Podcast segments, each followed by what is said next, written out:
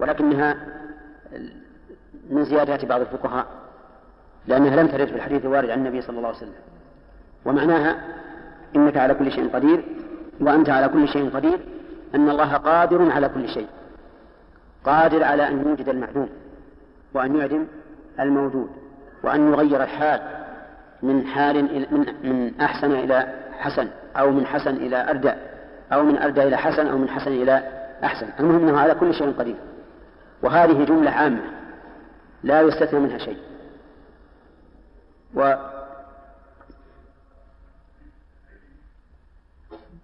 وقول صاحب التفسير الجلالين في قوله تعالى في سورة المائدة لله ملك السماوات والأرض وما فيهن وهو, وهو على كل شيء قدير. يقول خص العقل ذاته فليس عليها بقادر. هذا القول منكر. هذا القول منكر.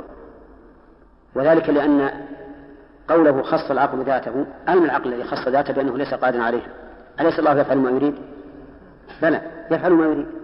والفاعل ما يريد يفعل بنفسه فهو قادر على أن يفعل ما شاء وأن يدع ما شاء.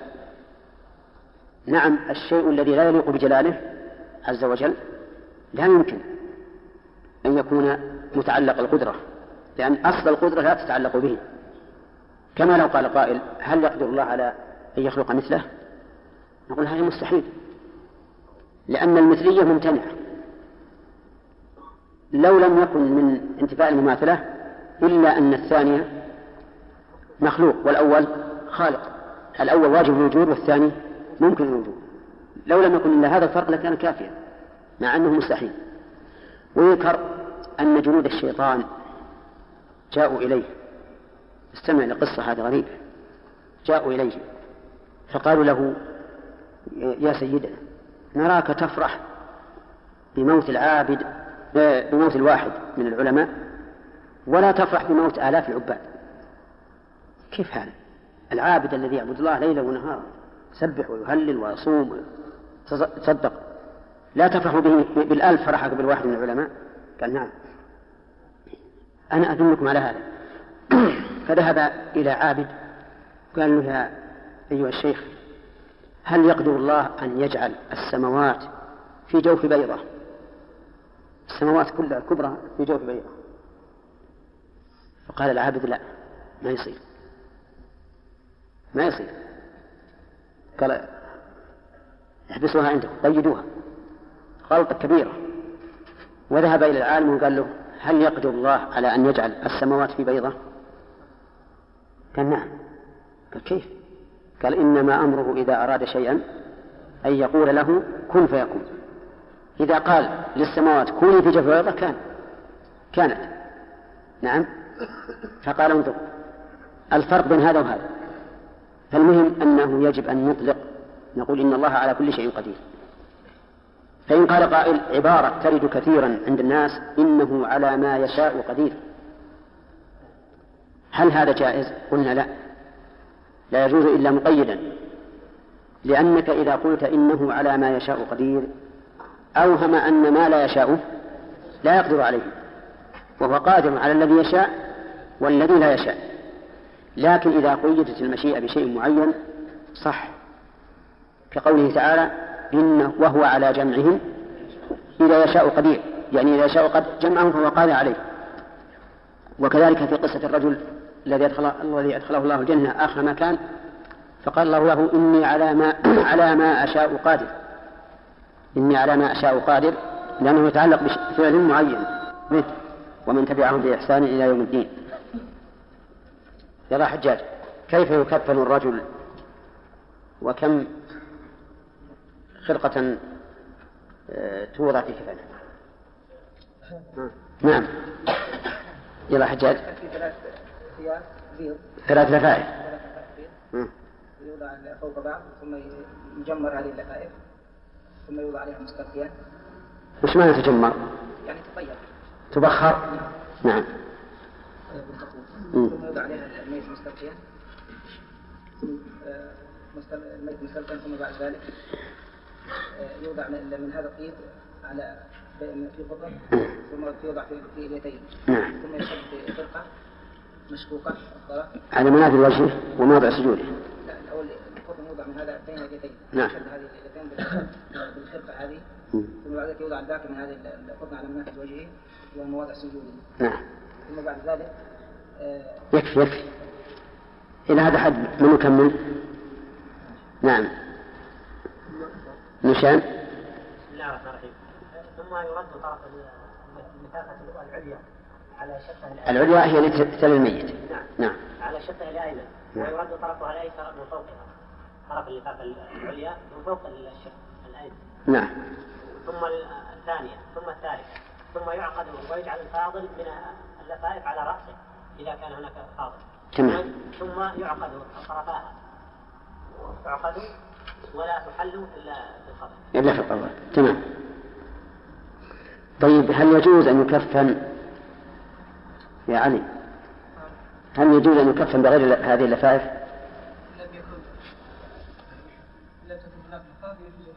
يعني عند الضرورة؟ وعند غير الضرورة؟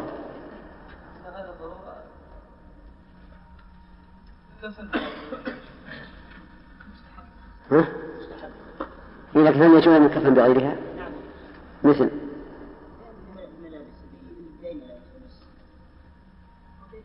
المؤلف ذكر ذكر ذكر. لا.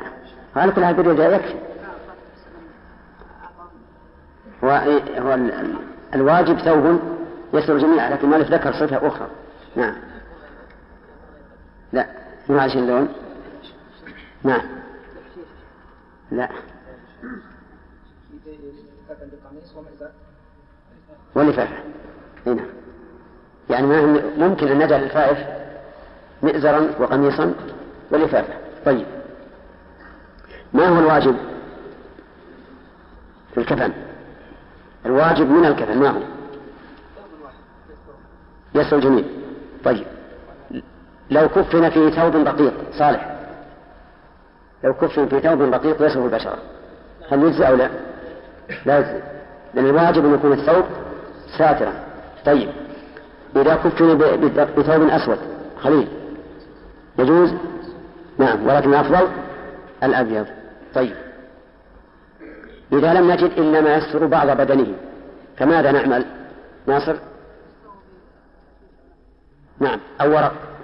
طيب. وإذا لم نجد شيئا من ذلك سليم. ماذا نعمل؟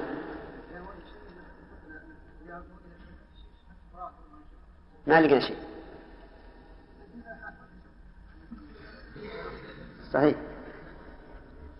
إيه. يدفن هكذا. اتقوا الله ما استطعتم. بارك الله فيك. نعم.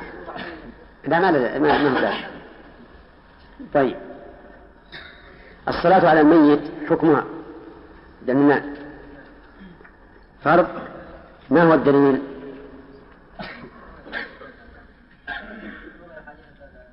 مثل.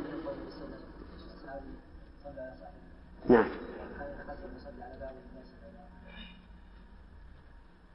ويذكر عنه أنه قال صلوا. طيب. هل في القرآن يدل على أن من عادتهم الصلاة على الأموات؟ علي. هنا.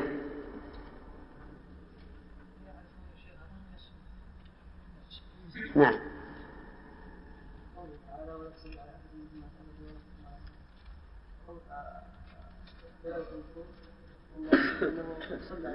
نعم.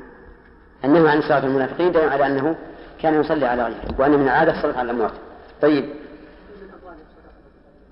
لا لا ما يصلي عليهم يعني عند إعطاء الزكاة. لا لا ما يصلح يلا خالد. ما هو السنة في وقوف الإمام في صلاة الجنازة؟ نقف؟ إيه؟ وعلى؟ على وسط المرأة؟ إيه؟ طيب أنت قلت قال المؤلف فهل لديك قول آخر؟ عند رأس الرجل طيب هل هذا أشرف على سبيل الوجوب؟ لو وقف عند رجلي الرجل عند قدميه يجزئ أو لا؟ يجزئ ماذا تقولون؟ صحيح. طيب. لو وقف والميت بين خارج خارج عن موضع يكون بين يدي الإمام. هنا. لا بد أن يكون بين يديه. فأما إذا ذهب يمينا أو يسارا إذا ذهب به يمينا أو يسارا فإنه لا يجزي طيب ما هي الحكمة في أنه يكون عند رأس الرجل وعند وسط المرأة آدم. نعم. يحول بين رؤية ما وراءه. يحول بين رؤية ما وراءه. طيب. عند رأس الرجل.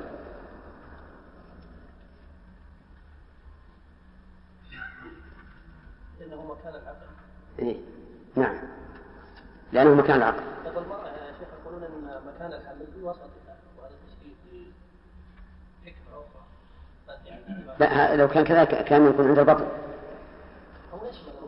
لا عند العجيزة كما جاء في الحديث عجيزتها طيب.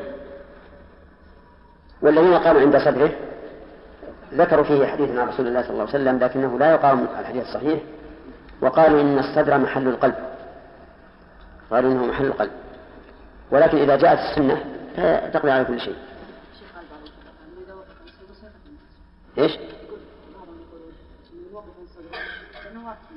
كأنه إيش؟ عند إيش؟ لا بينهما فرق يعني إذا وقف عند رأسه يجعل كل الصدر على يساره أو على يمينه. لا. لا لا. هذا أيضا من المسألة التي ينبغي أن ننبه عليها.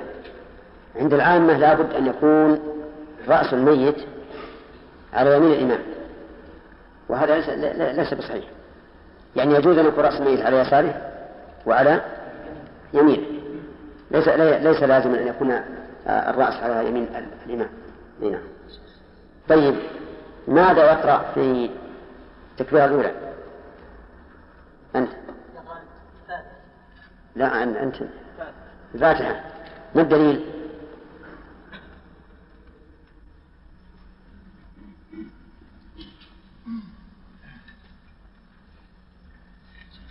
النبي صلى الله عليه وسلم قال لا صلاة الفاتحة الفاتحة أكثر طيب. هذا الدليل والجنازة صلاتها صلاة طيب دليل آخر. نعم. أنها من السنة. تمام. طيب. في التكبيرة الثانية ماذا يصنع؟ يصلي على النبي صلى الله عليه وسلم. وكيف يصلي؟ كما يصلي في التشهد. نعم. الثالثة عبد الله يدعو للميت. الدعاء للميت عام وخاص. عام وخاص. الدعاء العام ما هو عبد الله؟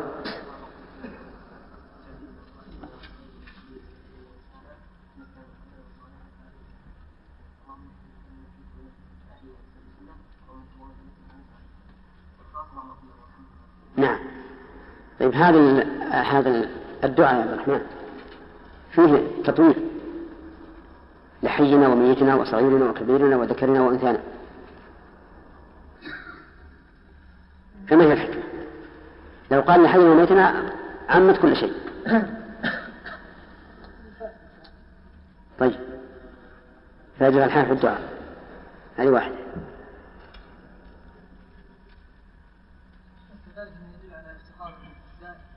إظهار شدة الافتقار إلى الله نعم. كذلك محبة الداعي لمن دعاه حيث يتبسط معه في القول نعم. لأن الأولى بسط الدعاء إيه بس لماذا؟ هذا الحكم. نعم. يعني ربما يذكر شيئا يريد أن يدعو له مع البسط. نعم سليم. ذكرناه ذكرناه. استحضار القلب. لأنه ربما يستحضر في أول جملة أو لا يستحضر ثم يستحضر في الثانية هذه ما ما إليها. إي نعم لكن يريد الحكمة من هذا. نعم.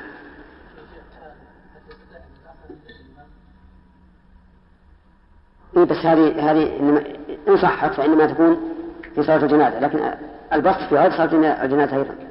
وذكرت لكم أمثلة من هذا. ألا نقول زيادة الأجر والتعبد لله. زيادة التعبد الأجر والتعبد لله لأن الدعاء عبادة يؤجر عليه الإنسان.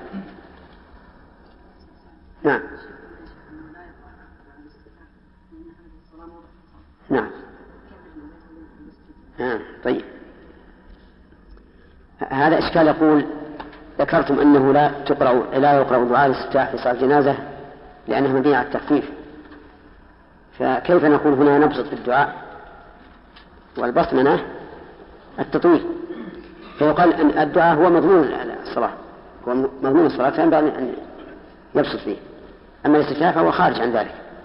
وأهم شيء أن ذلك لم يرد في السنة عن النبي صلى الله عليه وسلم. ما ورد أنه كان يستفتح في صلاة الجنازة وهذا كافر. طيب نمشي.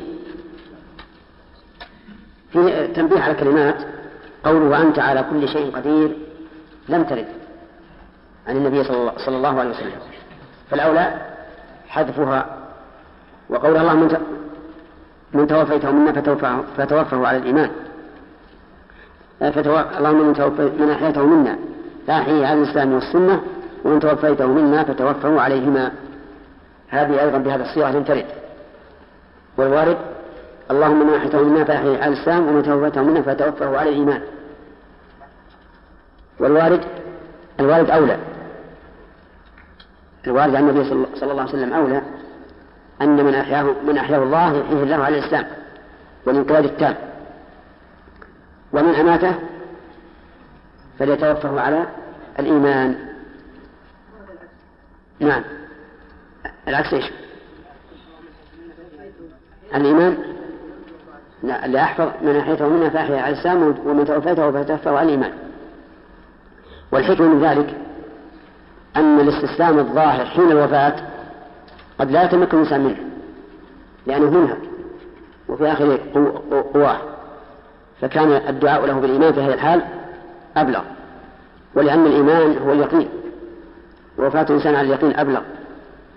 أما الإسلام فإنه إسلام ظاهر في العمل ظاهر في العمل ويكون من المؤمن حقا ومن ضعيف الإيمان ومن المنافق أيضا. فلهذا كان الدعاء في حال الحياة في الإسلام وعند الممات بالإيمان. طيب وهنا مسألة أن الدعاء الوارد عن النبي عليه الصلاة والسلام أولى بالمحافظة عليه من الدعاء غير الوارد. وإن كان الأمر واسعا لكن المحافظة على ما ورد أولى. وصلنا إلى هذا ها؟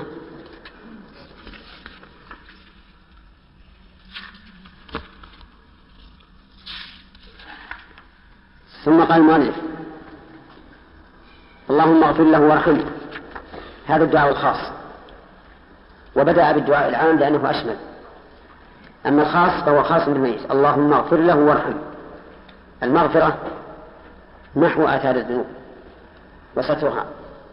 والإنسان محتاج إلى ستر ذنوبه حيا وميتا.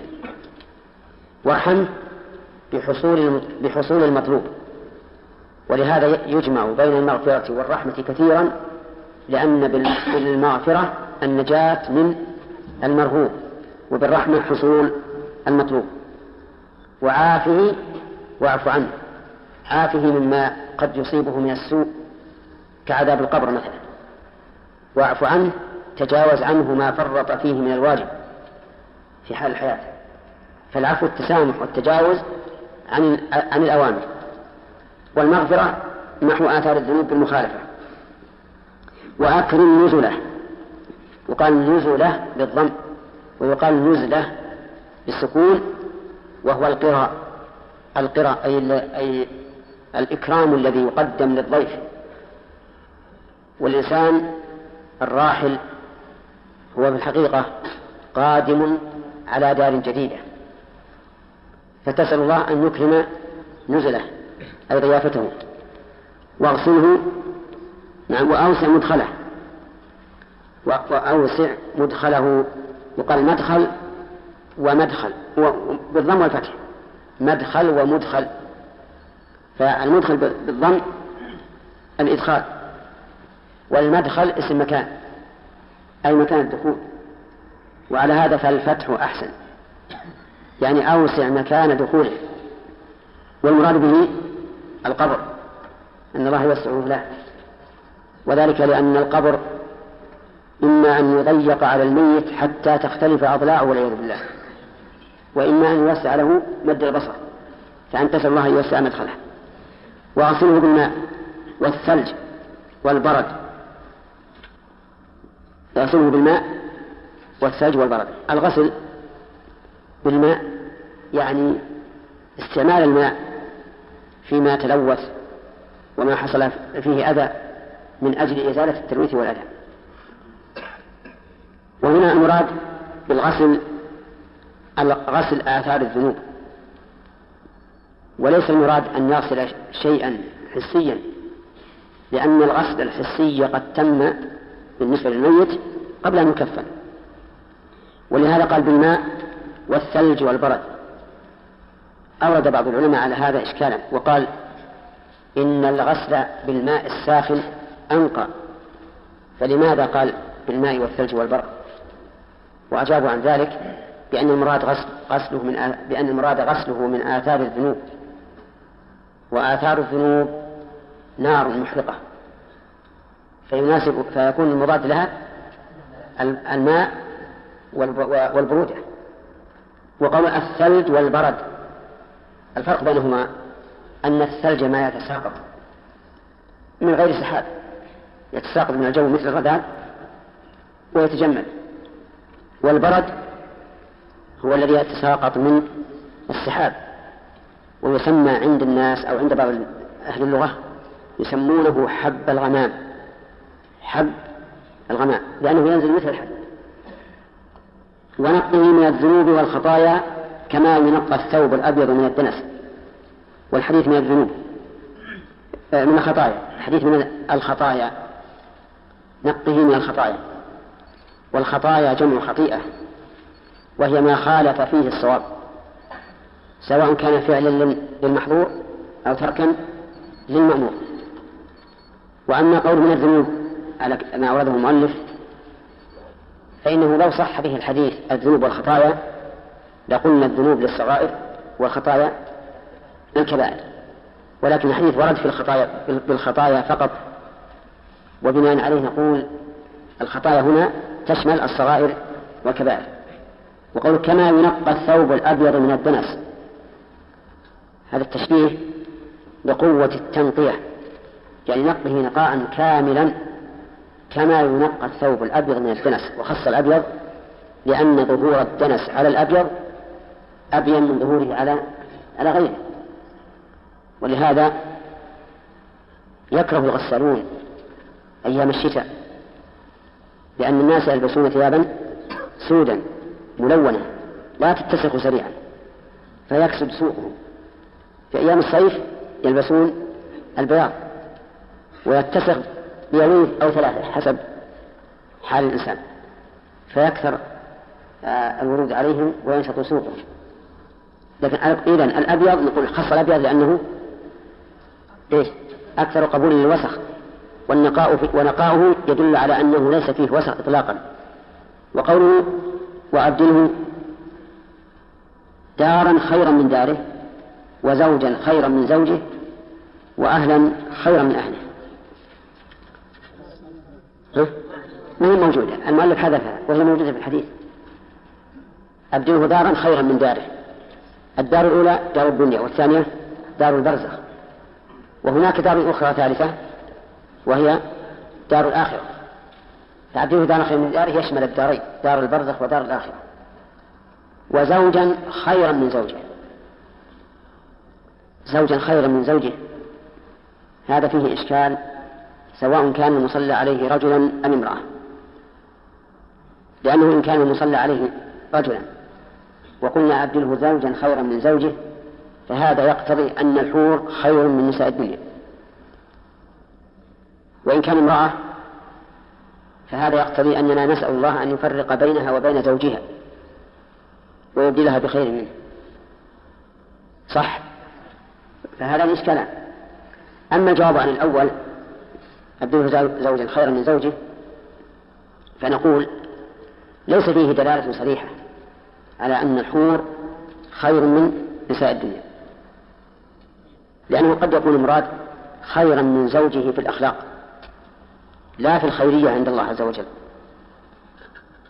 وبهذا الجواب يتضح الجواب عن الإشكال الثاني وهو أن أن المرأة إذا قلنا أبدلها زوجا خيرا من زوجها فإنه يعني أننا أننا نسأل الله أن نفرق بينهما. فنقول الجواب أن خيرية الزوج هنا ليست خيرية في العين بل خيرية في الوصف في الوصف. وهذا يتضمن أن يجمع الله بينهما في الجنة لأن أهل الجنة ينزع الله ما في صدورهم من غل ويبقون على أصل ما يكون. والتبديل كما يكون في العين يكون في الصفة. ومنه قوله تعالى يوم تبدل الأرض غير الأرض والسماوات. فالأرض هي الأرض في عينها لكنها اختلفت وكذلك السماوات. فهذا هو الجواب عن هذا الإشكال.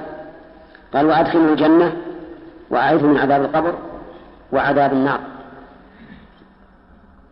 أدخلوا الجنة هي دار المتقين. نسأل الله أن يجعلنا وإياكم من أهلها كما قال الله تعالى وسارعوا إلى مغفرة من ربكم وجنة عرضها السماوات والأرض أعدت للمتقين. وأعيذه من عذاب القبر لأن القبر فيه عذاب. ولكن الله تعالى قد يقي الإنسان عذابه إذا ألح على الله في الدعاء كما أمر النبي عليه الصلاة والسلام. قال تعوذوا بالله من عذاب القبر. ولهذا أمر أن يتعوذ الإنسان من عذاب القبر في كل صلاة. إذا تشهد التشهد الأخير فإنه يؤمر أن يتعوذ بالله من أربع من عذاب القبر وعذاب النار وفتنة المحيا والممات وفتنة المسيح الدجال. وعذاب النار معروف. فإن قال قائل أليس إدخال الجنة يغني عن سؤال أن يعيده الله من عذاب القبر وعذاب النار؟ قلنا لا. فإن الإنسان قد يدخل الجنة بعد أن يعذب بعد أن يعذب في القبر وبعد أن يعذب بالنار فأن تسأل الله أن يدخل الجنة نقيا من عذاب سابق لا في القبر ولا في النار. ثم هنا إشكال في الدعاء. اللهم اغفر له الضمير للمفرد المذكر. فإذا كان الميت أنثى فهل نقول اللهم اغفر له؟ أو نقول اللهم اغفر لها بالتأنيث؟ نقول هكذا بالتأنيث. لأن ضمير الأنثى يكون مؤنثا. فنقول اللهم اغفر لها وارحمها وعافها واعف إلى آخره. طيب وإن كان وإن كان المقدم اثنين نقول اللهم اغفر لهما وإن كانوا جماعة اللهم اغفر لهم. إذا كانوا جماعة ذكور وإذا كان جماعة إناث اللهم اغفر لهن المهم أن الضمير يكون على حسب من يدعى له. ونظير هذا من بعض الوجوه. حديث ابن عباس ابن مسعود رضي الله عنه في دعاء الغم. اللهم إني عبدك ابن عبدك ابن أمتك. تقول المرأة اللهم إني أمتك. بنت عبدك بنت أمتك طيب الشيء الثاني السؤال الثاني على هذا. إذا فرضنا أن الإنسان لا يدري هل المقدم ذكر أو أنثى فهل يؤنث الضمير أو يذكر الضمير؟ نعم. نعم. يجوز هذا وهذا. فإن ذكرت اللهم اغفر له أي لهذا الشخص. نعم أو للميت. اللهم اغفر لها أي لهذه الجنازة. نعم. نعم؟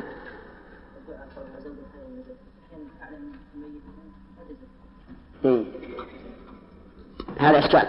يقول إذا كان الميت لم يتزوج. فكيف نقول زوجا خير من زوجه وهو لم يتزوج؟ نقول نعم. الجواب على هذا خيرا من زوجه في الدنيا لو تزوج. نعم. نعم. لأن واضح لأن هذا الحديث اللي ورد كان الرسول يصلي على رجل. لو قال إذا صليت مع الميت فقولوا كذا لكان قولك وجيه. أن نأخذ بالنص. ونؤوله نحن على ما يناسب الحال. نعم يحيى؟ إيش؟ اي لا لا لا المراد بالزوج هنا زوجية النكاح. نعم؟ ترتيب. اي نعم. الدليل على على هذا ما هناك دليل بين واضح لكن المعروف أن الدعاء يبدأ فيه بالثناء على الله وقد تضمنت الفاتحة ثم بالصلاة على النبي صلى الله عليه وسلم ثم بالدعاء نعم. نعم. هي وردت ورد الدعاء العام وورد الدعاء الخاص. نعم؟ لا جمع بينهم ورد لكن العلماء قالوا يجمع بينهم. لعموم قوله عليه الصلاة والسلام أخلصوا له الدعاء.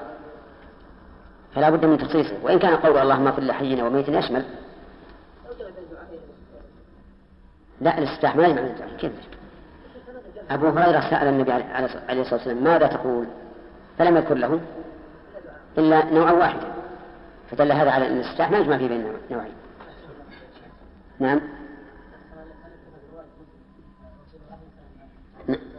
إيش؟ لا وفيها أيضا زوج خير من زوجه نفس نفس فيها أهل الخير وزوج خير من زوجه نعم.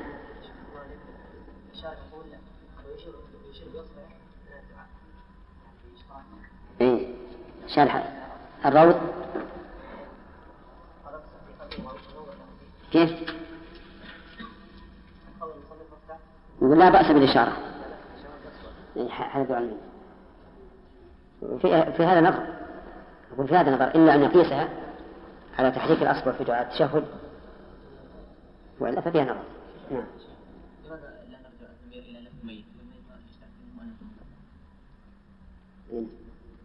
ممكن. كما قلنا إذا إذا جهلت لكن كونك تأتي بالشيء الخاص إذا علمت أنه أنثى والله ما قل له نعم.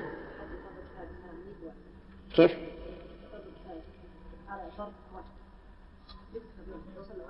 إي نعم نعم. يعني يحصل يحصل هذا يحصل الدعاء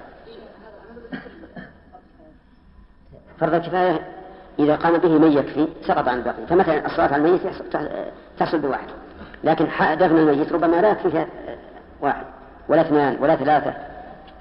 يعني ربما نقتصر بصلاة على واحد ونقول الدفن لابد من أربعة. نعم.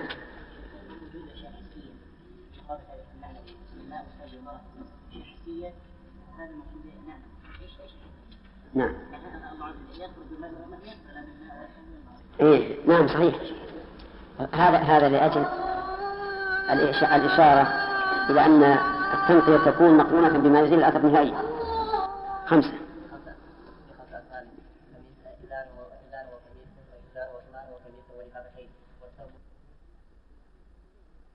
وأصحابه ومن تبعهم بإحسان إلى يوم الدين. المناقش منين؟ ها؟ من أول فصل؟ طيب. لا. نعم. فنبدأ من أول فصل ما هي السنة في وقوف الإمام إذا كان إذا كانت الجنازة ذكرا أحمد.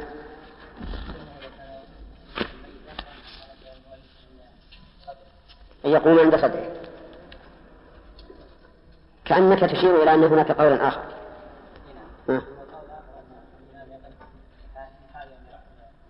نعم.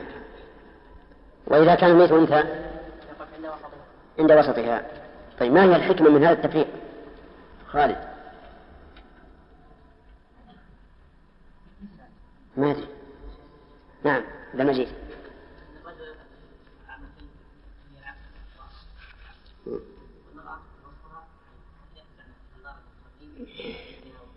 نعم. طيب. هل يستفتح في صلاة الجنازة؟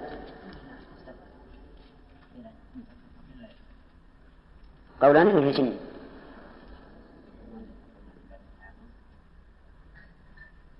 عبد الملك؟ نعم.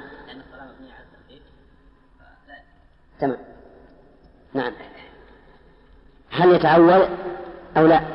يحيى هل يتعود أو لا يتعود؟ يتعود.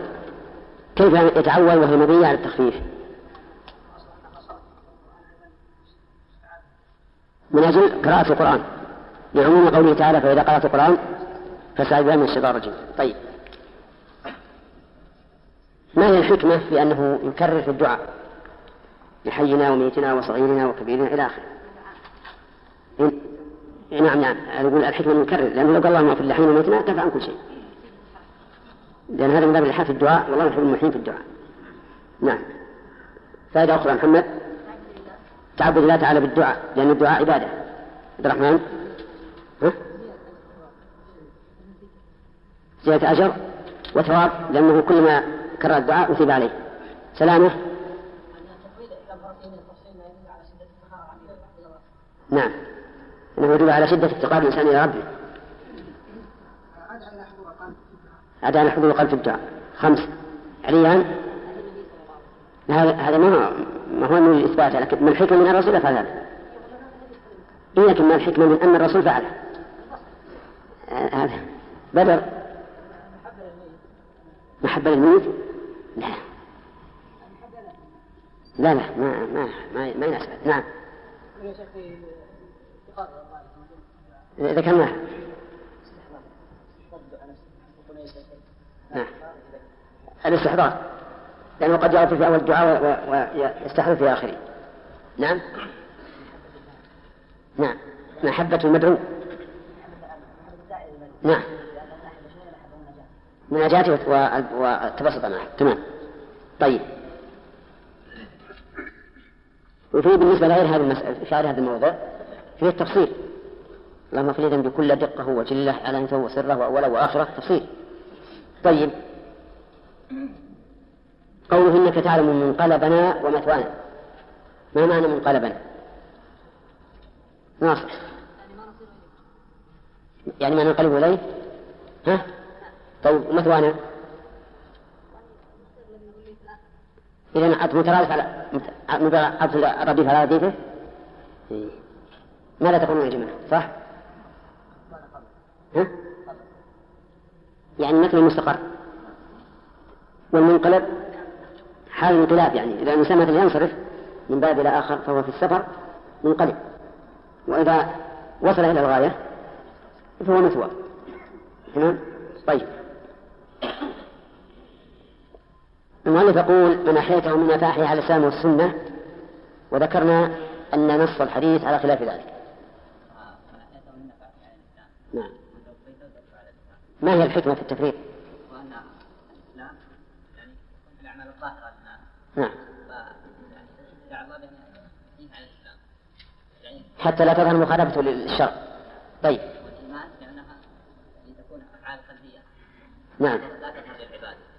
لا حب أن يقال الله عز وجل في الإيمان وهو أعلم والميت في هذه الحال حاجة للإيمان أقوى لأنه قد لا يستطيع العمل بالجوارح. طيب. يعني عبد الله عامر. عافه واعف عنه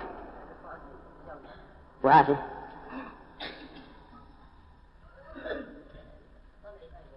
ها؟ لا فرق بينهم واعف عنا واغفر لنا وارحمنا في القرآن والعفو في المغايرة. سليم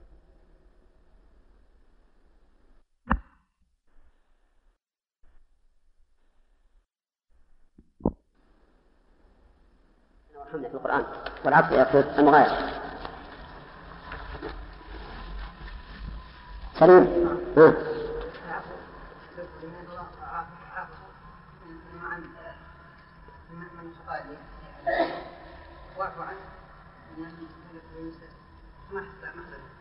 الله المستعان. بعد التي بيتين حضرت؟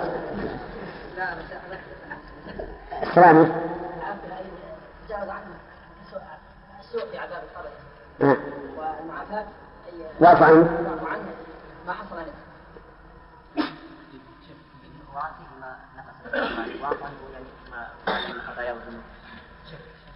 ما إحنا ذكرنا غريب. ها؟ عافية عافية أنه عافية من السوء بعد أن يتجاوز عما فرط فيه من واجب. إذا المعافاة معناها السلامة من من من آثام المحرم. والعفو التجاوز عن ترك الواجب. أما العافية البدنية فلا فلا فيها فلا محل لها هنا. طيب. قال المؤلف وأدخله الجنة وأعذه من عذاب القبر وعذاب النار. أدخله الجنة وأعذه من عذاب القبر وعذاب النار. طيب. عذاب القبر ثابت بالقرآن والسنة.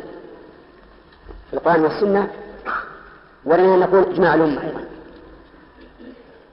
وذكرنا أدلته من القرآن هل تستخدمونها الآن؟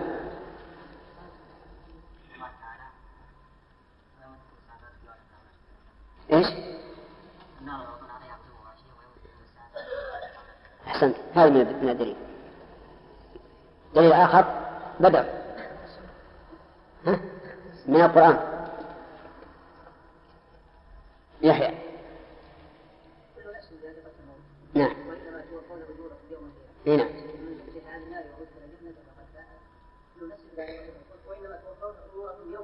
إيه؟ هو على كل حال استدل بعض العلماء بهذا وقال التوفية تكون عن كما لتكميل الشيء لكن فيها نظر.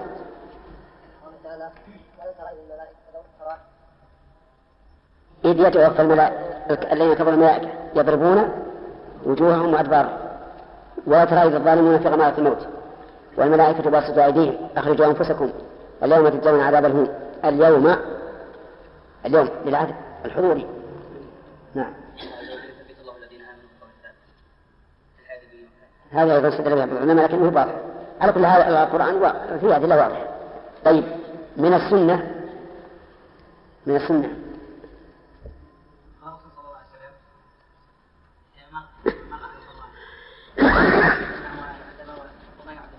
صحيح. هذا ثبوت عذاب القبر. نعم. نعم. حديث البراء الطويل وذكر فيه أنه يعذب ويضيق عليه القبر حتى تختلف أضلاعه. العامر؟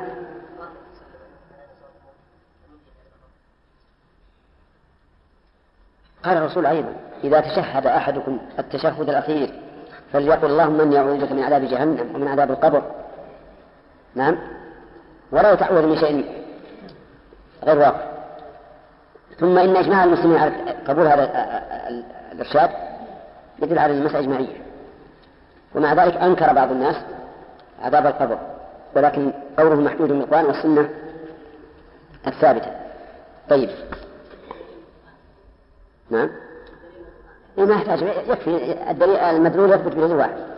طيب نقول يقول الملك رحمه الله تعالى آه اليوم قال وافسح له في قبره ونور له فيه. يعني هذا من دعاء الميت. افسح له في قبره أو وسع له. لأن الفسحة يعني السعة وهذا التوسيع ليس توسيعا محسوسا بحيث يكون قبره يتسع حتى يملأ المقبرة. لكنه تح... تف... لكنه فصح غير محسوس إحساسا دنيويا. لأنه من أحوال الآخرة وكما تشاهدون أو كما ترون في المنام أن الإنسان يرى أنه في مكان فسيح وفي نخيل وفي أشياء تبهج نفسه وهو لا يزال في إيش؟ في فراشه متغطٍ بغطائه متغطٍ بغطائه فعذاب القبر يشبه من بعض الوجوه ما يراه النائم وإن كان يعني أشد منه في الحقيقة. يعني أشد منه في كونه حقيقة. إذا يفسح له في قبره لكن لا يلزم منه أن يتسع القبر اتساعا إيش؟ حسيا. وإنما قلنا ذلك. لئلا يورد علينا مورد بأن الناس في قبورهم لا لا تتسع القبور أكثر مما هي عليه في الواقع. فنقول له هذا أمر أمر غيبي وليس أمرا حسيا معروفا. ونور له فيه يعني اجعل له فيه نورا. اجعل له فيه نورا. هو يقول افسح له نور له فيه. وكل الضمائر التي مرت علينا بصيغة المفرد المذكر. فلو كان الميت أنثى فإنها تكون بصيغة المفرد المؤنث. فيقال اللهم اغفر لها وارحمها وعافها واعف عنها إلى آخره. وإن كان الميت اثنين يقول اللهم اغفر لهما وإن كان الأموات ثلاثة. يقول اللهم اغفر لهم إن كانوا ذكورا واغفر لهن إن كن إناثا وإن كانوا وإن كانوا ذكورا وإناثا يغلب جانب الذكورية فيقول اللهم اغفر لهم. وهذا إذا كان يعلم الجنازة يسهل عليه لكن إذا كان لا يعلم فهل يذكر أو يؤنث أو يفرد أو يسمي أو يجمع. الأخ. إي نعم. كلاهما سواء.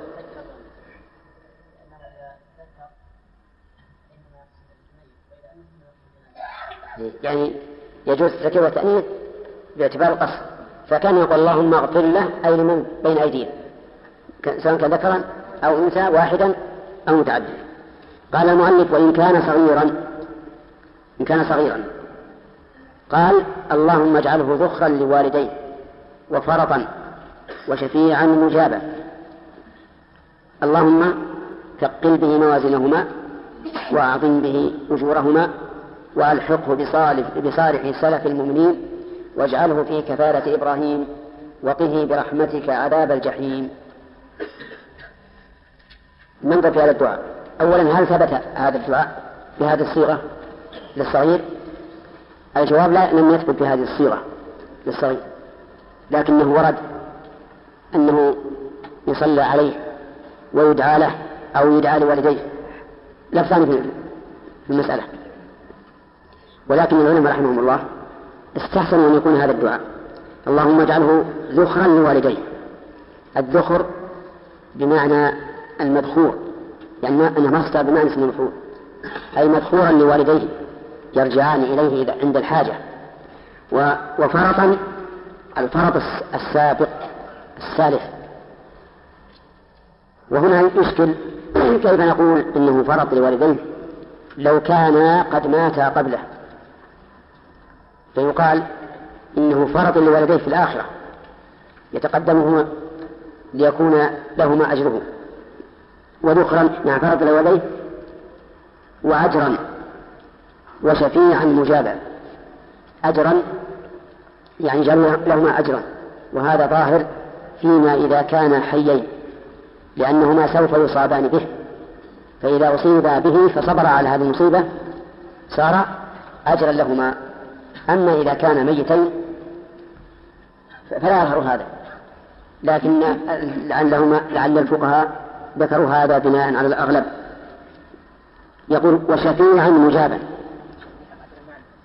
عندي أجر. شفيعا مجابا. الشفيع بمعنى الشافع. كالسميع بمعنى السامع. فمن هو الشفيع؟ الشفيع هو الذي يتوسط لغيره بجلب منفعة أو دفع مضرة. وسمي شفيعا لأنه يجعل المشفوع له اثنين. بعد أن كان وترا واحدا. فلهذا صار بضم صوته إلى صوت المشفوع له صار شفيعا له. وقول مجابا لأن الشفيع قد يجاب وقد وقد لا يجاب. فسأل الله أن يكون شفيعا مجابا. اللهم ثقل به موازينهما. ثقل به موازينهما يعني موازين الأعمال. وذلك بكونه أجرا لهما. لأنه كلما كان أجرا ثقلت به الموازين والموازين جمع ميزان. وهو ما يوزن به أعمال العباد يوم القيامة. واختلف العلماء هل هو ميزان حقيقي أو كناية عن إقامة العدل. فذهبت المعتزلة إلى أنه كناية عن إقامة العدل وأنه ليس هناك ميزان حسي. والصواب أنه ميزان حسي. لحديث صاحب البطاقة. أن ذنوبه تجعل في كفة ولا إله إلا الله في كفة. وكذلك يظهر من قول الرسول عليه الصلاة والسلام كلمتان خفيفتان على اللسان ثقيلتان في ميزان فإن ظاهره أنه ميزان له كفتان. ولكن هاتان ولكن هاتين الكفتين لا نعلم كيفيتهما. لأنه من أمور الغيب التي لم نعلم عنها. وهل الذي يوزن العمل أو العامل أو صحائف العمل؟ على أقوال ثلاثة. منهم من قال إن الذي يوزن العمل ومنهم من قال إن الذي يوزن العامل ومنهم من قال إن الذي يوزن صحائف الأعمال. وذلك الاختلاف النصوص في ذلك. والصحيح أن الذي يوزن هو العمل. لقول النبي صلى الله عليه وسلم كلمتان خفيفتان على اللسان ثقيلتان في الميزان. ولقول الله تعالى فمن يعمل مثقال ذرة خيرا يره. فمن يعمل مثقال ذرة خيرا. فهذا يدل على أن الذي يوزن إيش؟ العمل. وهو كذلك. وهذا الصحيح. وحجة من قال إن الذي يوزن صاحب العمل قوله تعالى أولئك الذين ضل سعيهم في الحياة الدنيا وهم يحسبون أنهم يحسنون صنعا لا صنعا ذلك الجزاء قبلها إن الذين كفروا بآياتنا الآية آخرها أعرف. فلا نقيم لهم يوم القيامة وزنا. فلا نقيم لهم يوم القيامة وزنا. وحديث مسعود لما قام فهبت الريح فجعلت تكفئه فضحك الناس. منه لأنه رضي الله عنه كان دقيق الساقين وكان صغيرا. فضحك الناس منه فقال النبي عليه الصلاة والسلام إن ساقيه في الميزان أعظم من أحد. فهذا يدل على أن الذي يوزن العامل وأما دليل من قال أن الذي يوزن صاحب العمل فهو حديث صاحب البطاقة الذي يؤتى له بسجلات عظيمة. كلها ذنوب حتى إذا رأى أنه قد هلك قيل له إن لك عندنا حسنة. فيؤتى ببطاقة صغيرة فيها لا إله إلا الله. فيقول يا ربي ما هذه البطاقة مع هذه السجلات؟ فيقول إنك لا تظلم شيئا. ثم توضع البطاقة في كفة ولا وبقية الأعمال في كفة فترجح بهن وتميل بهن. فيقال إن حقيقة هذا وزن الأعمال. لأن الصحائف إنما تثقل وتخف بما فيها من العمل فتكون حقيقة وزنها وزنا للعمل. وقد يقال إن الأكثر هو وزن الأعمال وقد توزن صحائف الأعمال والله أعلم. لكن راجح الذي عليه الجمهور أن الذي يوزن هو العمل. طيب. وأعظم به أجورهم وأعظم به أجورهما. أعظم به أجورهما يعني اجعل أجورهما عظيمة. وهنا إشكال نحوي لغوي. قال أجورهما مع أن المضاف إليه مثنى. أي لم يقل أعظم به أجريهما. والجواب على ذلك أن الأفصح في اللغة العربية إذا أضيف إلى المثنى أن يؤتى بالجمع. أن يؤتى بالجمع. ثم بالإفراد ثم بالتثنية إلا أن يكون هناك داع يستلزم أن يؤتى بالتثنية أو الإفراد أو الجمع. ولا في الأصل وما ذكرنا أن الأفصح الجمع ثم الإفراد ثم التثنية. إن تتوبا إلى الله فقد صغت قلوبكما مع أنه ليس لهما إلا قلبان ما جعل الله لرجل من قلبين في جوفه. ولم يقل فقد سقط قلباكما. ولم يقل فقد سرى قلبكما. نعم. لأن الأصح هو ما ذكرنا. الجمع. نعم. يقول وأعظمه وألحقه بصالح سلف المؤمنين. ألحقه بصالح سلف المؤمنين أي صغار المؤمنين الذين سلفوا. وذلك أن الصغار من الولدان كانوا في كفالة إبراهيم عليه الصلاة والسلام. وقد رآهم النبي صلى الله عليه وسلم حين عرج به عند إبراهيم وسأل عنهم فقال إنها إن فقيل له هؤلاء ولدان مؤمنين. ولهذا قال اجعله في كفالة إبراهيم. قال وقه برحم برحمتك عذاب الجحيم. قه من الوقاية. يعني اجعله سالما من عذاب الجحيم. وأما قول برحمتك فهو من باب إيش؟ التوسل بصفة الله عز وجل. وفي هذه الجملة إشكال. كيف يقول قه برحمتك عذاب جحيم وهو صغير لم يبلغ؟ وليس عليه عذاب. نعم. قال بعض العلماء إن النبي عليه الصلاة والسلام أخبر بأنه ما من إنسان إلا مسته النار ولو تحلت القسم ومن ذلك الصغار. لقوله تعالى وإن منكم إلا واردها كان على ربك حتما مقضيا. فيكون هذا دعاء لهذا الصبي أن يقيه الله عذاب الجحيم إذا عرض عليها يوم القيامة. ويقف بعد الرابعة قليلا ويسلم واحدة عن يمينه. يقف قليلا ليتميز التكبير من السلام أو من أجل أن يتراد إليه نفسه. وقوله يقف قليلا ثم يسلم يظهر منه أنه لا يدعو. واختار بعض الأصحاب رحمهم الله أنه يدعو. ولكن بماذا؟ قال بعضهم يدعو بقوله اللهم لا تحرمنا أجره ولا تفتنا بعده واغفر لنا وله. وقال بعضهم يدعو بقوله ربنا آتنا في الدنيا حسنة وفي الآخرة حسنة وقنا عذاب النار لأن هذا الدعاء تختم به الأدعية. ولهذا جعله النبي عليه الصلاة والسلام في منتهى كل شوط في الطواف. حيث يقول بين الركن الإيماني والحجر الأسود ربنا آتنا في الدنيا حسنة وفي الآخرة حسنة وقنا عذاب النار. والقول بأنه يدعو بما تيسر أولى من السكوت لأن الصلاة عبادة ليس فيها سكوت سكوت أبدا إلا لسبب كاستماع لقراءة الإمام ونحو ذلك. قال ويسلم واحدة عن يمينه يسلم واحدة عن اليمين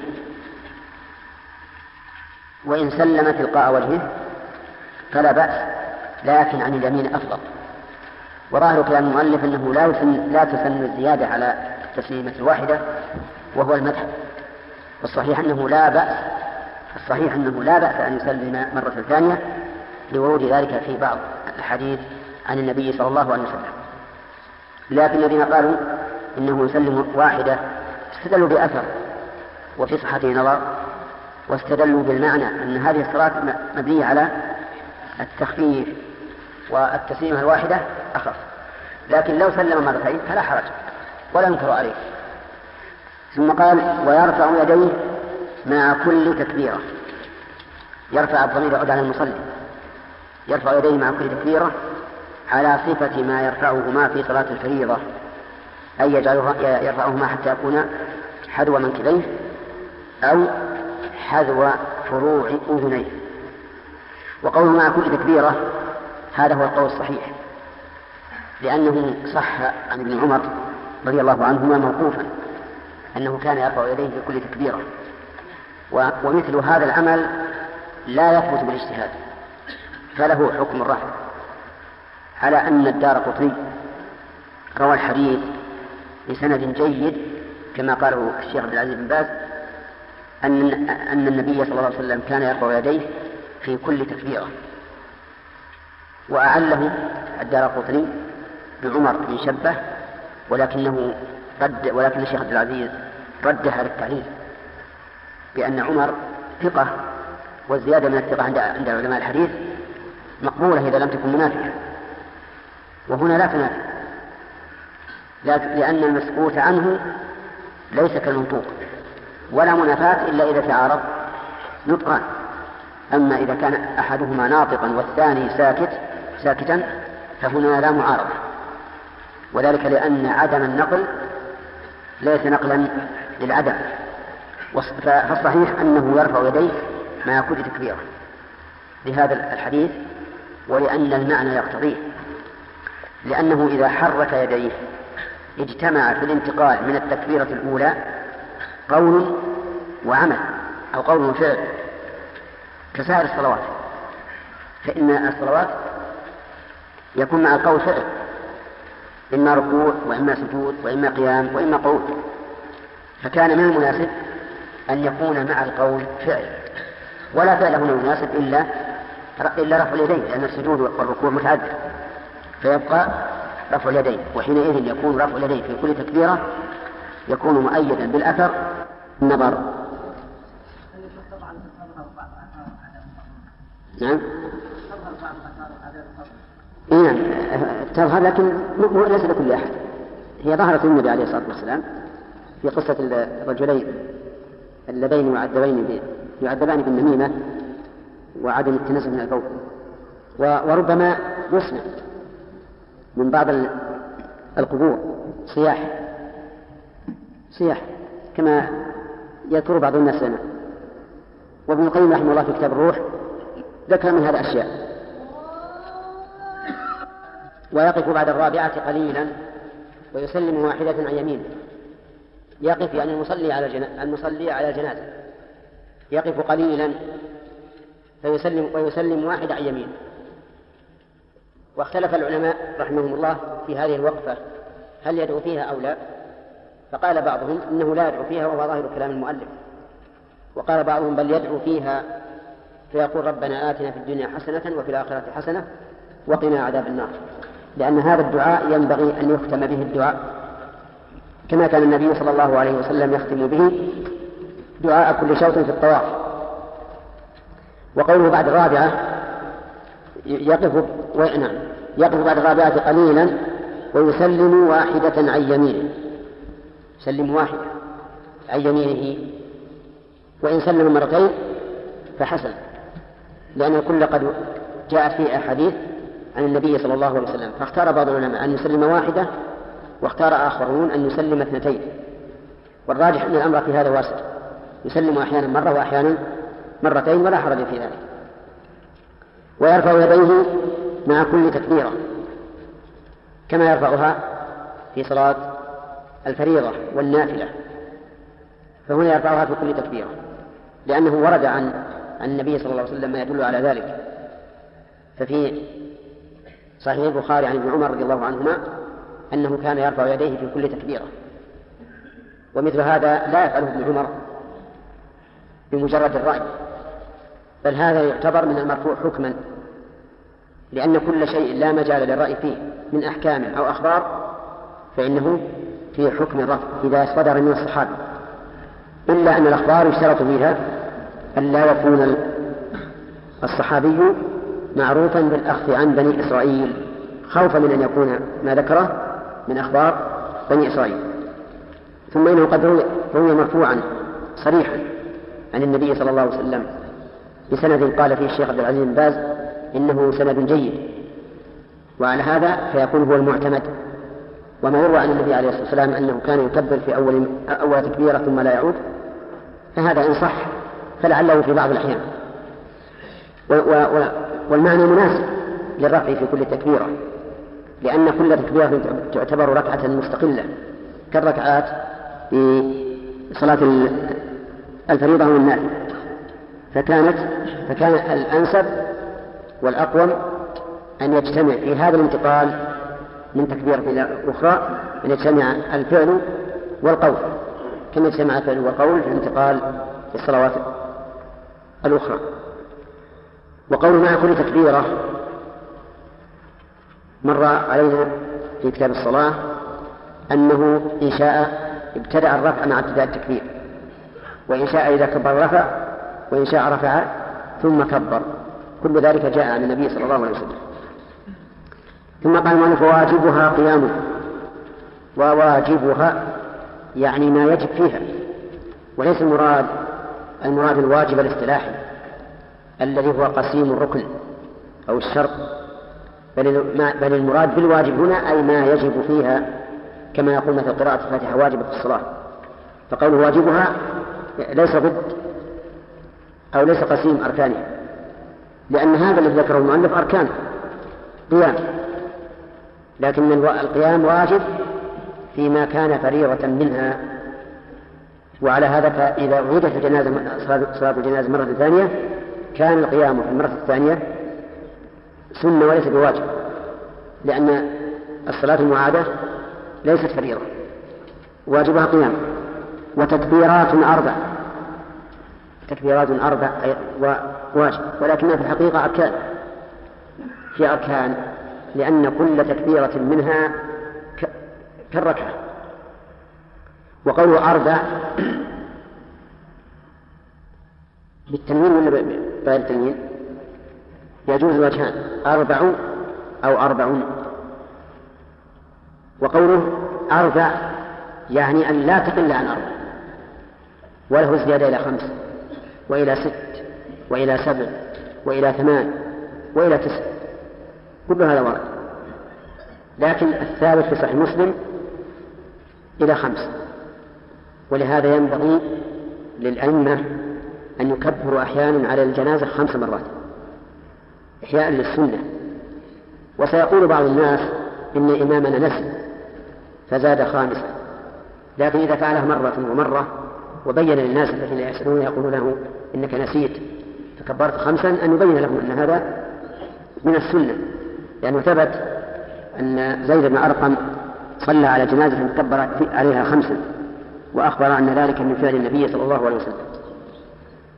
قال والف... نعم. إذا كبرنا خمسا. فماذا نقول بعد الرابعة؟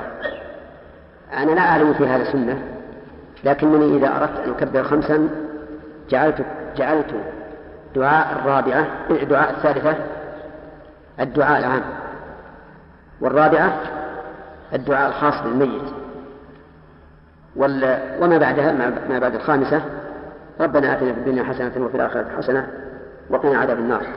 ولهذا قد يعرف النبي أنني أريد أن أكبر خمسا إذا صار الدعاء بعد الثالثة قصيرا. نعم يقول وتكبير الأربع والفاتحة. والفاتحة ركن. لقول النبي صلى الله عليه وسلم لا صلاة لمن لم يقرأ بفاتحة الكتاب. وقرأها ابن عباس رضي الله عنهما وجهر بها. وقال ليعلموا أنها سنة. يعني أنها مشروعة وليس المعنى أنها سنة إن شئت ففعلها وإن شئت فلا لكن أنها مشروعة والصلاة على النبي صلى الله عليه وسلم. هذا أيضا من واجباتها وهو ركن على المشهور من المذهب وهو مبني على القول بركنية الصلاة على النبي صلى الله عليه وسلم في الصلاة في الصلوات. أما إذا قلنا بأنها ليست بركن في الصلوات فهي هنا أيضا ليست بركن. لكن الصلاة على النبي صلى الله عليه وسلم في هذا المقام لها شأن وذلك لأن الفاتحة ثناء على الله والصلاة على النبي صلى الله عليه وسلم صلاة عليه. والثالثة دعاء وينبغي للداعي أن يقدم بين يديه الثناء على الله ثم الصلاة على النبي صلى الله عليه وسلم. وقوله والصلاة على النبي صلى الله عليه وسلم ولم يبين هنا لكنه بين فيما سبق أنها كالتشهد لكن يكفي أن يقول اللهم صل على محمد. ودعوة للميت هذا من الأركان أيضا. كقول النبي عليه الصلاة والسلام إذا صليتم على الميت فأخلصوا له الدعاء. ولأن هذا هو لب هذه الصلاة. أصل الصلاة على الميت إنما كانت لدعاء الدعاء له وإن كان فيها عبادة لكن ليست مجرد عبادة الله عز وجل. ودعاء للميت والسلام. ركن أو واجب ركن لكنه يكفي فيه مرة واحدة كما مر. قال ومن فاته شيء من التكبير. طيب السلام دليله قول عائشة رضي الله عنها كان يختم الصلاة بالتسليم. وهذا وإن لم يكن ظاهرا في عموم صلاة الجنازة لكن يصح أن يكون متمسكا. ولأنها عبادة افتتحت بالتكبير فتختتم بالتسليم كالصلاة المفروضة قال ومن فاتته ومن فاته شيء من التكبير قضاه على صفته. أي على صفة ما فاته لعموم قول الرسول صلى الله عليه وسلم ما فاتكم فأتموا. ويستفاد من قول المؤلف شيء من التكبير أن التكبير بمنزلة الركعة. بمنزلة الركعة. طيب وإذا دخل مع الإمام في التكبيرة الثالثة فهل يقرأ الفاتحة أو يدعو للميت لأن هذا مكان الدعاء؟ الظاهر لي أنه في هذه الحال يدعو للميت حتى على القول بأن ما يدركه المسبوق أول صلاته بأن ما يدركه المسبوق أول صلاته فينبغي في صلاة الجنازة أن يتابع الإمام فيما هو فيه.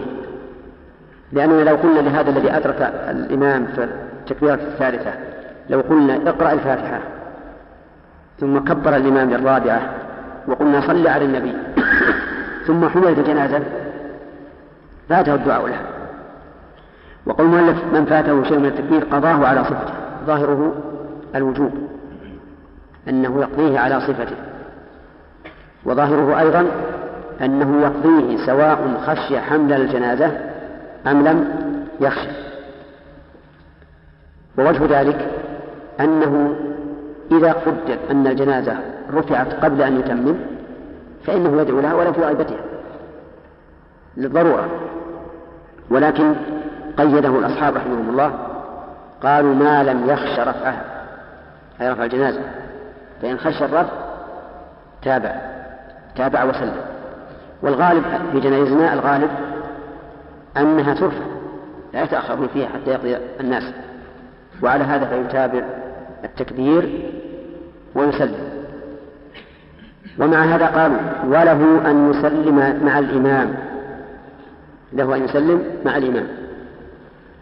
لأن الفرض سقط بصلاة الإمام.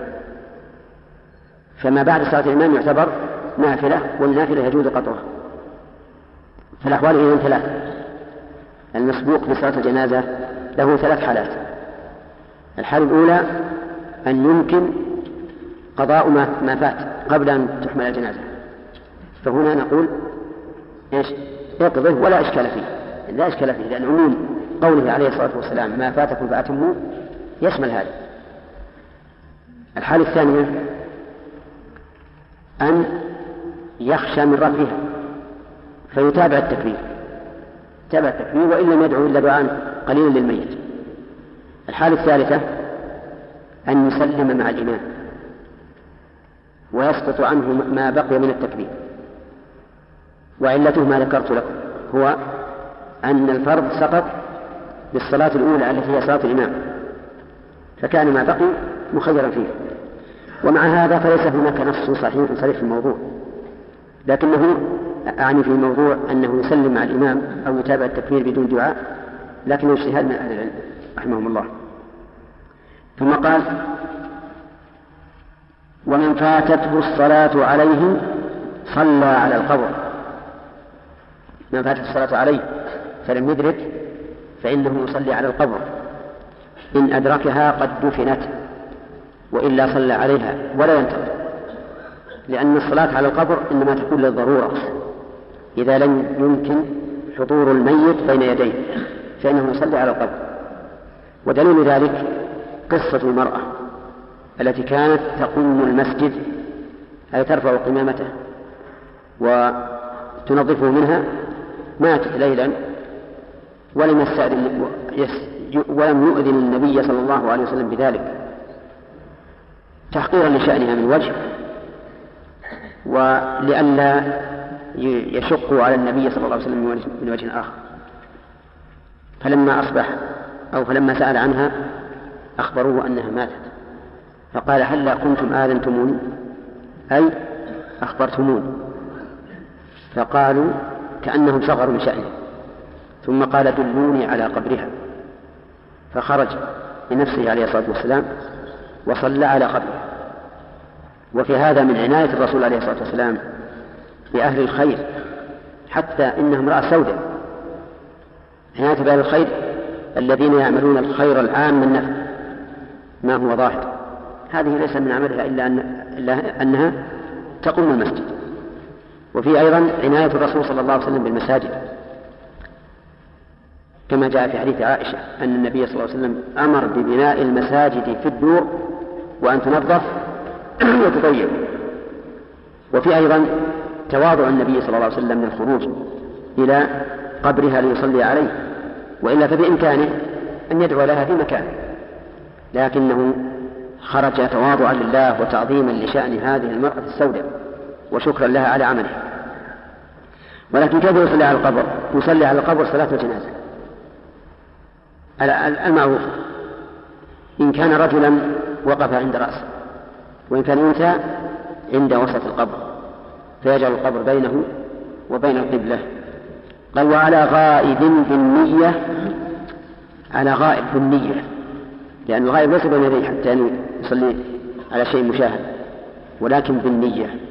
إلى شهر فالصلاة إذن الصلاة على الميت إما أن تكون بين إما أن يكون بين يديه وذلك قبل الدفن أو بعده على القبر وإما أن يكون غائبا. لكن كلمة غائب ماذا تعني؟ تعني أنه غائب عن البلد ولو دون المسافة. يصلي عليه صلاة الغائب أما من في البلد فإن فإنه لا يشرع أن يصلي عليه صلاة الغائب بل المشروع أن يخرج إلى إيش؟ إلى قبره ويصلي عليه. ولهذا يخطئ بعض الجهال الذين يصلون على الميت في أطراف البلد وهو ميت في بلده فإن هذا خلاف السنة. السنة أن تخرج إلى القبر وتصلي عليه. ثم قال إلى شهر يصلي على الغائب وعلى القبر إلى شهر. وذلك لأن النبي صلى الله عليه وسلم صلى على قبر إلى شهر. يعني إلى نهاية الشهر. هذا هو الدليل. ولكن كون الرسول عليه الصلاة والسلام صلى على قبر له شهر لا يدل على التحديد. لأن هذا فعل اتفاقا. لا ليس مقصودا. فلا ندري. لو كان له أكثر هل يصلي أو لا؟ ولو كان له دون هل يصلي أو لا؟ وما فعل اتفاقا فليس بدليل اتفاقا لأنه لم يقصد. ولهذا نقول الصحيح أنه يصلي على الغائب ولو بعد الشهر. ويصلي أيضا على القبر ولو بعد الشهر. إلا أن بعض العلماء قيده بقيد حسن. قال بشرط أن يكون هذا المدفون قد مات في زمن يكون فيه المصلي أهلا للصلاة